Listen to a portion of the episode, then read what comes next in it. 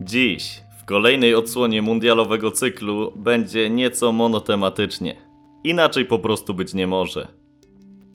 Jeśli zapytamy przeciętnego Polaka, z czym kojarzy mu się 1974 rok, to bez wątpienia, nieważne czy zna się na piłce nożnej czy nie, wskaże na trzecie miejsce naszych rodaków na Mistrzostwach Świata wywalczone w Republice Federalnej Niemiec. W związku z tym przedstawię przede wszystkim kulisy wspaniałego występu podopiecznych trenera tysiąclecia Kazimierza Górskiego. Niemcy zachodnie miały sporo czasu na solidne zorganizowanie jubileuszowego 10 turnieju Mistrzostw Świata. Organizacja została im powierzona niemal dekadę przed jego rozpoczęciem. Po tym jak Puchar Rimeta trafił na własność Brazylijczyków, ogłoszono plebiscyt na nowy puchar dla zwycięzcy. Spośród zgłoszeń wybrano dzieło włoskiego rzeźbiarza Silvio Gazzanigi. Oryginał został wykonany z 18-karatowego złota, waży 6 i 175 tysięcznych kilograma przy 36 cm wysokości. Tym razem ustalono, że w żadnym przypadku nie trafi do jakiejkolwiek krajowej federacji bez względu na liczbę triumfów na największej piłkarskiej imprezie na świecie. Każdy zwycięzca otrzyma pozłacaną replikę i musi pocieszyć się tym, że zostanie wygrawerowany na spodzie oryginalnego trofeum, które na co dzień znajduje się w siedzibie FIFA. Co ciekawe, po mundialu w 2038 roku nie będzie już miejsca na kolejnego triumfatora. Do eliminacji zgłosiło się 99 drużyn. 7 z nich Filipiny, Gabon, Indie, Jamajka, Madagaskar, Sri Lanka i Wenezuela wycofało się jeszcze przed startem. Polska wylądowała w piątej grupie strefy europejskiej wraz z wyspiarskim towarzystwem Anglią i Walią. Nie ma wątpliwości, że zdecydowanym faworytem byli mistrzowie świata z 1966 roku. Biało-czerwoni tworzyli młodą, zdolną drużynę scementowaną triumfem na Igrzyskach Olimpijskich w 1972 roku.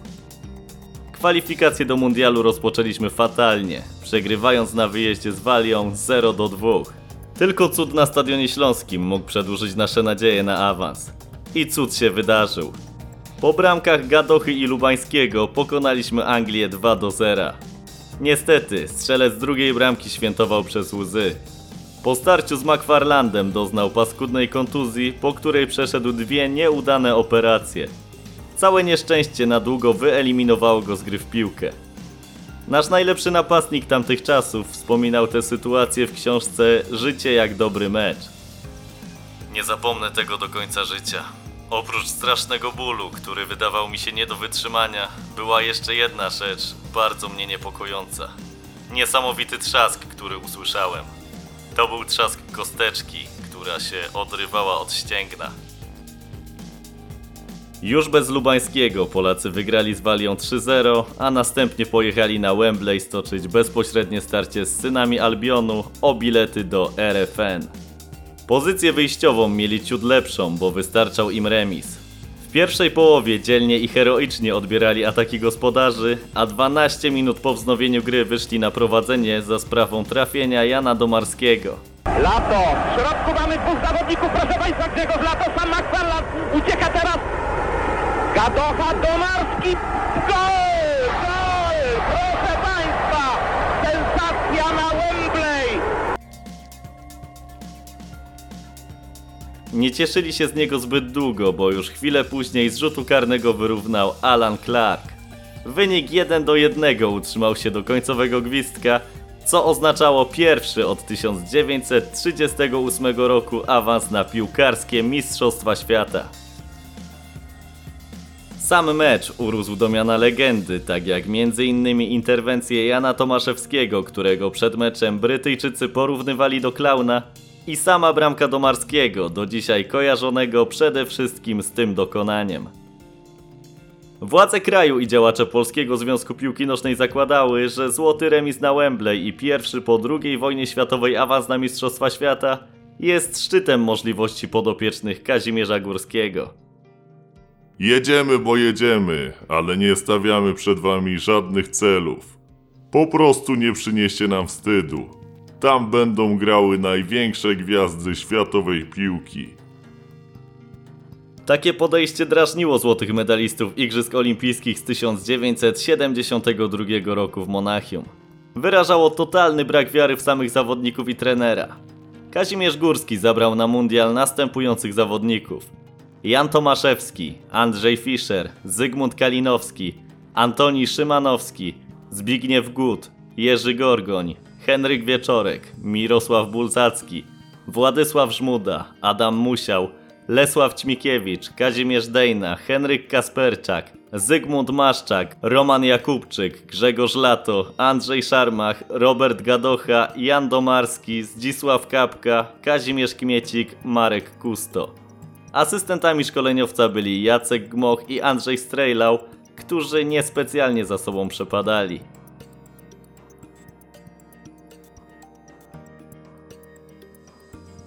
Mistrzostwa Świata rozegrano w dniach od 13 czerwca do 7 lipca 1974 roku na stadionach w dziewięciu miastach: Monachium, Berlin, Stuttgart, Gelsenkirchen, Düsseldorf, Frankfurt, Hamburg, Hannover i Dortmund. Na długo przed rozpoczęciem zawodów zastanawiano się nad opcją zwiększenia liczby finalistów. Finalnie zrezygnowano z tego pomysłu i w Niemczech wystąpiło 16 drużyn. Republika Federalna Niemiec jako gospodarz, Brazylia, czyli aktualny mistrz świata, a ponadto Polska, Bułgaria, NRD, Włochy, Holandia, Szkocja, Szwecja, Jugosławia, Argentyna, Chile, Urugwaj, Haiti, Australia i Zair. Wprowadzono natomiast nowy format rozgrywek, mający zwiększyć liczbę meczów. Trzeba przyznać, że uatrakcyjnił zawody i bardzo dobrze zdał egzamin. Zrezygnowano z fazy pucharowej, zastępując ją drugą fazą grupową. Zestawienie pierwszej rundy. Grupa pierwsza. Australia, Chile, NRD, RFN. Grupa druga. Brazylia, Jugosławia, Szkocja, Zair. Grupa trzecia. Bułgaria, Holandia, Szwecja, Urugwaj. Grupa czwarta. Argentyna, Haiti, Polska, Włochy. Dwie najlepsze drużyny z każdej z grup zapewniało sobie awans do najlepszej ósemki zawodów, podzielonej na dwie grupy. I tutaj każdy grał z każdym. Zwycięzcy drugich grup awansowali do wielkiego finału, a wiceliderzy rozgrywali między sobą mecz o trzecie miejsce. Co ważne, od tego turnieju aż po mundial we Francji w 1998 roku nagradzano wszystkich półfinalistów. Za pierwsze miejsce przyznawano złote medale, za drugie srebrne pozłacane, za trzecie srebrne, a za czwarte brązowe. Przed bezbramkowym meczem otwarcia we Frankfurcie, rozegranym między Brazylią a Jugosławią, piosenkę Futbol odśpiewała Maryla Rodowicz.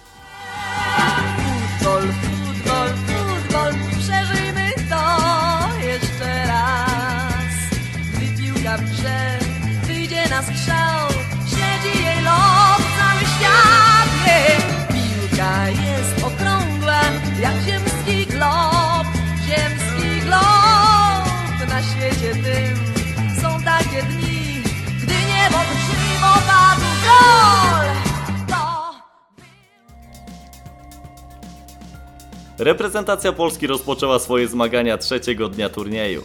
Wydawało się, że wobec kontuzji Włodzimierza Lubańskiego podstawowym napastnikiem będzie bohater z Wembley, Jan Domarski.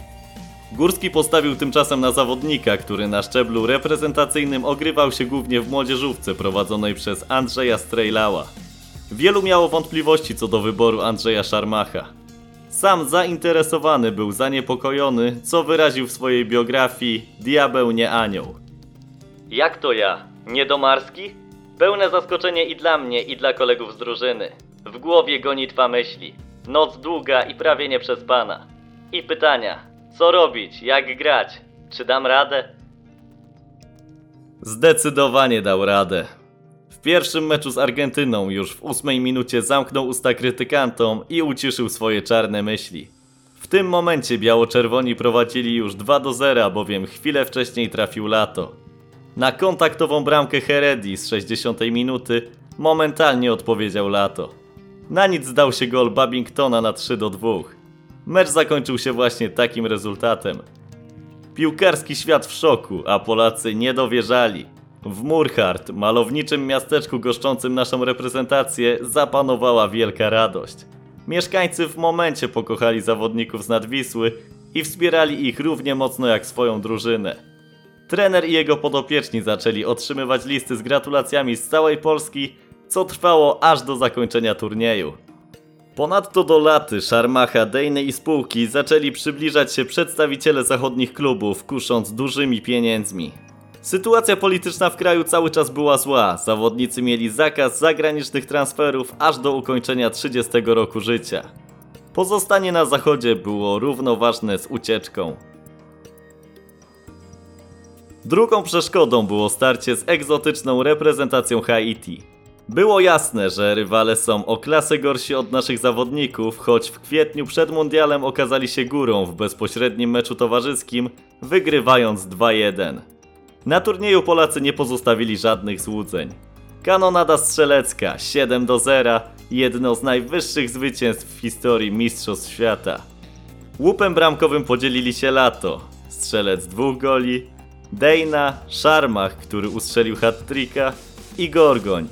Tym samym Orły Górskiego zapewniły sobie awans do drugiej rundy grupowej. Wcześniej trzeba było jednak rozegrać ostatnie starcie pierwszej fazy. Przed meczem z Włochami rozpoczęły się próby motywacji Polaków. Biało-czerwoni awans mieli już w kieszeni, zatem było pewne, że jedna z ekip wymienianych przed turniejem w gronie faworytów do zwycięstwa niebawem pojedzie do domu. Włoska federacja obiecała swoim piłkarzom po 30 tysięcy dolarów premii za awans do czołowej ósemki. Ci postanowili zaproponować 10% swojego wynagrodzenia piłkarzom Górskiego. 3000 dolarów było sumą, za którą w ówczesnej Polsce można było kupić samochód z górnej półki. Ostatecznie przybyszom z Półwyspu Apenińskiego nie udało się dotrzeć do naszych zawodników i przekazać ustalonej przez siebie sumy. Polacy znów dali popis swoich umiejętności, wygrywając z Włochami 2 do 1 po bramkach Szarmacha i Dejny. Koniec tematu? Otóż nie. Ponad 8 lat później Grzegorz Lato trafił do meksykańskiego Atlante, gdzie spotkał argentyńskiego piłkarza Rubena Ayale. Ten powiedział mu, że przed starciem Polski z Włochami wraz z kolegami z drużyny zebrał 22 tysiące dolarów, z czego 18 tysięcy zostało przekazane żonie jednego z Polaków, wraz z apelem o zwycięstwo z bezpośrednim przeciwnikiem do awansu. Niczego nieświadomi piłkarze Górskiego, no może poza jednym wyjątkiem, wygrali. Argentyna w tym samym czasie pokonała Haiti 4 do 1, zatem z perspektywy przybyszy z Ameryki Południowej wydawało się, że wszystko poszło zgodnie z ustalonym planem. Lato przekazał informacje kolegom z drużyny i rozpoczęło się poszukiwanie piłkarza, który bez wiedzy pozostałych przytulił 18 tysięcy dolarów. Bez skutku.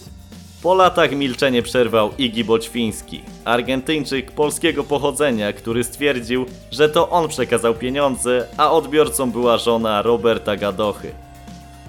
Robert zachował pieniądze dla siebie, zresztą zaskoczył mnie tym zupełnie. Zapytałem, jak zamierza podzielić kasę. Wtedy powiedział: Wiesz co, nie mów nic chłopakom. Nasza strategia na mecz z Włochami i tak była taka, żeby wygrać. Byłem bardzo zaskoczony taką postawą Gadochy. Orły Górskiego przekleły byłego zawodnika Legii Warszawa. W gruncie rzeczy nie ma co się dziwić. Za wygranie mundialowego meczu dostawali raptem po 40 dolarów. Po wyjściu na jaw całej sprawy Gadocha praktycznie odizolował się od świata. Do sytuacji odniósł się dopiero w 2013 roku, zapewniając, że żadnych pieniędzy nie przyjął. Wracając do turnieju. Obok Polski do kolejnej fazy awansowała Argentyna, NRD, RFN, Jugosławia, Brazylia, Holandia i Szwecja. Z barwnych sytuacji z pozostałych spotkań należy odnotować przede wszystkim futbol totalny Holendrów. Oranie zaprezentowali najbardziej wybiegany, ofensywny futbol w historii.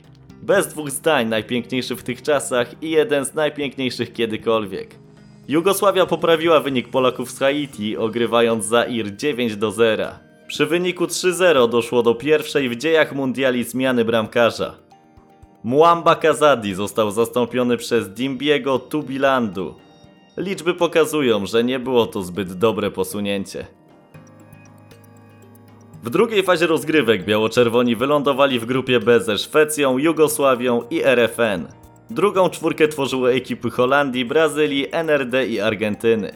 Na dwa dni przed starciem ze Skandynawami trener Górski dał swoim zawodnikom i współpracownikom wolny wieczór. Mogli robić to na co mają ochotę przy jednym tylko warunku. Muszą wrócić do hotelu najpóźniej o 23. Jacek Gmoch udał się z Henrykiem Loską na pieszą wycieczkę po okolicy. Biało-czerwoni byli objawieniem mundialu, stąd nie dziwne, że stali się obiektem zainteresowań mieszkańców Murhart. Spacerujących Polaków zauważyła pewna para i od razu udała się w ich kierunku. Dziewczyna poprosiła Gmocha o autograf.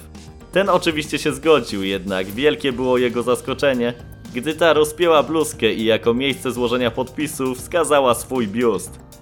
Trener z uśmiechem na ustach złożył sygnaturkę. Chłopak poszedł jeszcze o krok dalej. Rozpiął spodnie i wypiął w kierunku Gmocha goły pośladek. Jak wspomina Loska, Myślałem, że Jacek go w ten tyłek kopnie, a on w swoim stylu złożył autograf. Andrzej Strejlał również chciał przejść się na wieczorny spacer. Powstrzymał go sam Kazimierz Górski, mówiąc tajemniczo, że dziś będą się tu działy ciekawe rzeczy. W tym momencie mamy do czynienia z początkiem pewnej strategicznej zagrywki naszego trenera. Kazimierz Dejna, Zygmunt Kalinowski, Mirosław Bulzacki, Jerzy Gorgoń i Adam Musiał wrócili do hotelu dwa kwadranse po wyznaczonej godzinie. Przy recepcji czekał na nich Górski.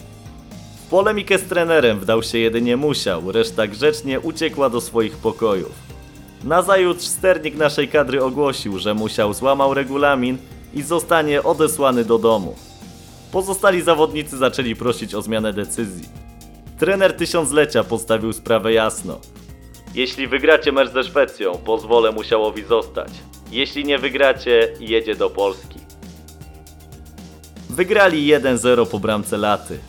Warto podkreślić, że Jan Tomaszewski obronił rzut karny wykonywany przez Jana Tapera. Na czym polegała zagrywka Górskiego? Pan Kazimierz doskonale zdawał sobie sprawę, że najtrudniejszym meczem na turnieju jest mecz numer 4. Mówiło i mówi o tym wielu byłych szkoleniowców i piłkarzy. Nasz rodak nie chciał, by w szeregach jego drużyny pojawiło się rozluźnienie po wygraniu grupy śmierci, o co zadbał zawieszając musiała. Zawodnicy stanęli na rzęsach, by przywrócić go do zespołu i pokonali w wielkich trudach przeciwników ze Skandynawii. Zawodnik wrócił do składu i rozegrał resztę turnieju w pełnym wymiarze czasowym. Mecz z Jugosławią miał być z pozoru najłatwiejszym starciem tej fazy rozgrywek. Zwycięstwo 2 do 1 po bramkach Dejny i Laty przyszło dosłownie i w przenośni w ogromnych bólach. Nasz kapitan trafił z rzutu karnego podyktowanego za faul Karasiego na Szarmachu. Faul miał wielkie znaczenie w perspektywie kolejnych wydarzeń. Diabeł doznał bolesnej kontuzji uda, na którym pojawił się krwawy guz wielkości piłki tenisowej. Sztab medyczny nie wiedział co zrobić. Pojawiły się pomysły włożenia nogi do gipsu. Na szczęście znalazł się niemiecki lekarz z Murhart, zamroził ranę naszego napastnika, a następnie solidnie rozmasował. Krwiak ustąpił, ból niestety nie. Szarmach walczył z czasem, by wykurować się na starcie z gospodarzami, zachodnimi Niemcami, mające de facto rangę półfinału. Niestety, przegrał tę walkę i w przedostatnim meczu turnieju nie był do dyspozycji trenera.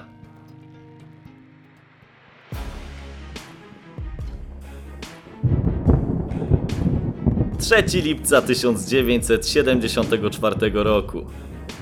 Frankfurt, Waldstadion. Starcie Niemiec Zachodnik z Polską było bojem o finał Mistrzostw Świata. Obfite opady deszczu spowodowały, że murawa stadionu wyglądała jak zalane pastwisko.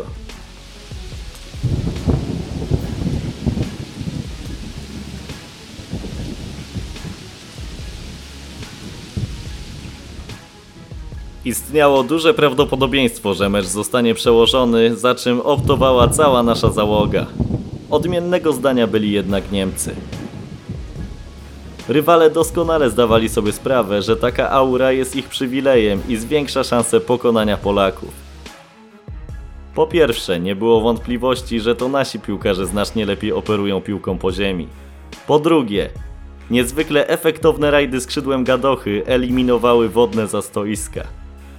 Po trzecie, W szeregach Górskiego brakowało Szarmacha, zawodnika niezwykle dobrze grającego głową, który w takich warunkach mógłby być zabójczą bronią.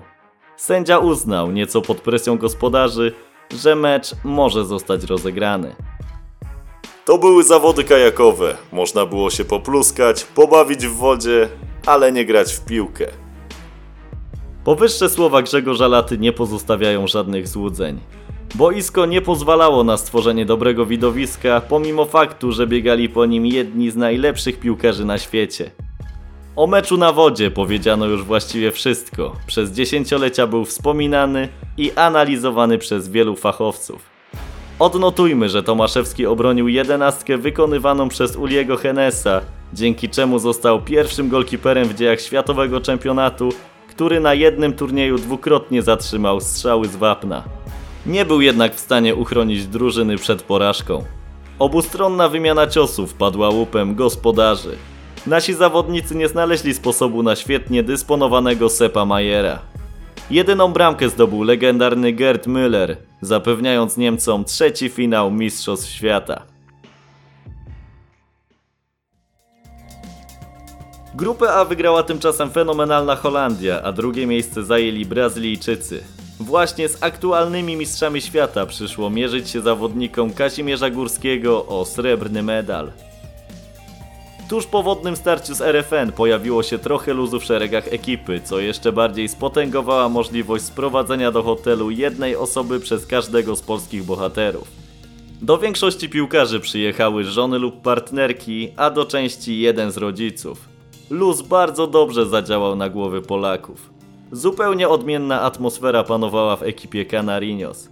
Z uwagi na brak obrony tytułu, w swoim kraju zostali już przeklęci. Chcieli za wszelką cenę udowodnić swoją wyższość w małym finale. Na mecz z naszą drużyną wyszli bardzo zmotywowani. Można powiedzieć, że wręcz przemotywowani. Zdecydowanie więcej samby zaprezentowali biało-czerwoni.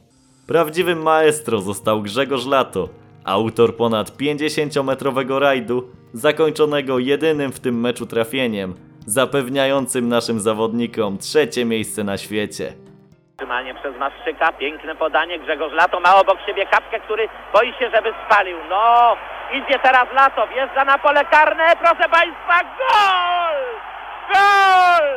Grzegorz Lato, siódma bramka na Mistrzostwach Świata. Cała polska załoga została w Niemczech aż do wielkiego finału, który oglądała z perspektywy trybun. Niestety, nie wszyscy dotarli na to spotkanie. Część działaczy postanowiła zarobić i przehandlowała swoje bilety. Na boisku w Monachium miała miejsce swoista powtórka finału sprzed 20 lat. Oranie, podobnie jak Węgrzy w Bernie, szybko wyszli na prowadzenie za sprawą karnego Neskensa. Piłkarsko byli znacznie lepsi od Niemców. Ci jednak wygrali wyrachowaniem, ponownie odwracając losy Mistrzostwa Świata. Trafienia Breitnera i Müllera spowodowały, że zawodnicy Helmuta Szyna mogli na oczach własnego kraju świętować drugi tytuł mistrzowski. Franz Beckenbauer spełnił obietnicę złożoną swojemu ojcu 20 lat wcześniej i wzniósł do góry Puchar Świata. Jak smakował drugi triumf Niemiec Zachodnich w ich kraju? Słodko-gorzko. Niby była euforia, ale nie taka jak po pierwszym Mistrzostwie Świata, a nawet nie taka jak dwa lata wcześniej, gdy RFN okazała się najlepszą drużyną w Europie.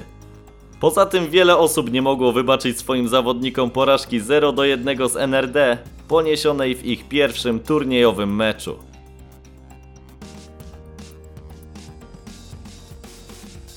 Holandia z 1974 roku bije się w opowiadaniach i wspomnieniach z Węgrami z 1954 roku o miano najpiękniejszych przegranych w historii. Główny dowódca pomarańczowej bandy, Johan Cruyff, wspominał w swojej biografii. Nasze występy wywołały na całym świecie pozytywne reakcje i wzbudziły podziw dla naszej gry, a to było znacznie ważniejsze. Daliśmy nadzieję wszystkim zawodnikom, którzy, jak ja, nie byli wielcy ani silni. Podczas tego turnieju w pewnym sensie zmieniła się cała filozofia gry w piłkę. Królem strzelców futbolowych zmagań w RFN został strzelec siedmiu goli, Grzegorz Lato. Drugą strzelbą z pięcioma trafieniami dysponowali Johan Neskens i Andrzej Szarmach. Po powrocie naszych piłkarzy do Polski rozpoczęło się istne szaleństwo. Ponad 100 tysięcy warszawiaków wyszło na ulice stolicy, by oglądać ich przejazd autokarem z otwartym dachem. Komplet widzów jak na stadionie w Monachium. Jeszcze jeden dowód, że wszyscy byliśmy kibicami. Przed zmasowanym atakiem sympatii nie zdołałby obronić swojej drużyny nawet Jan Tomaszewski. Służba porządkowa na liniach obronnych. Zawodnicy niemal utracili życie prywatne. Gdzie tylko się pojawili, tam momentalnie otaczał ich tłum w celu zrobienia zdjęcia, zdobycia autografu czy samej rozmowy. W corocznym plebiscycie przeglądu sportowego na najlepszego sportowca roku aż 3 z 5 czołowych lokat zajęli srebrni medaliści Mistrzostw Świata. Dejna był drugi, Lato czwarty, a Gadocha piąty. Wymiar pierwszego wielkiego sukcesu polskiej piłki nożnej znakomicie opisał Kazimierz Górski. Zaczęło się od głodu sukcesu. W społeczeństwie biednym, któremu wmawiano, że jest dobrze, mamiono wielkomocarstwowymi obietnicami lub statystykami, sport spełniał rolę szczególną. Był uśmiechem, czymś dobrym i pięknym. Wszyscy byliśmy spragnieni osiągnięć drużyny narodowej. Jan Tomaszewski w książce Karoliny Apiecionek pod tytułem Mundial 1974 dogrywka wspominał Pan Kazimierz Górski był dla mnie papieżem polskiej piłki. Jako szkoleniowiec był bardzo dobry, jako człowiek fenomenalny. Wszyscy mówią, miał zawodników. Nie, cały czas szukał. Bulzacki, bohater z Wembley nie gra, wchodzi jakiś gówniarz szmuda. Strzelec złotej bramki, Jasiu Domarski, nie gra, wchodzi jakiś młokos szarmach. Leszek Ćmikiewicz nie gra, wchodzi jakiś Ślązak Zygmunt Maszczyk. I co się okazuje? Ta drużyna zdobywa trzecie miejsce na świecie. To jest po prostu niemożliwe. A jednak pan Kazimierz tego dokonał.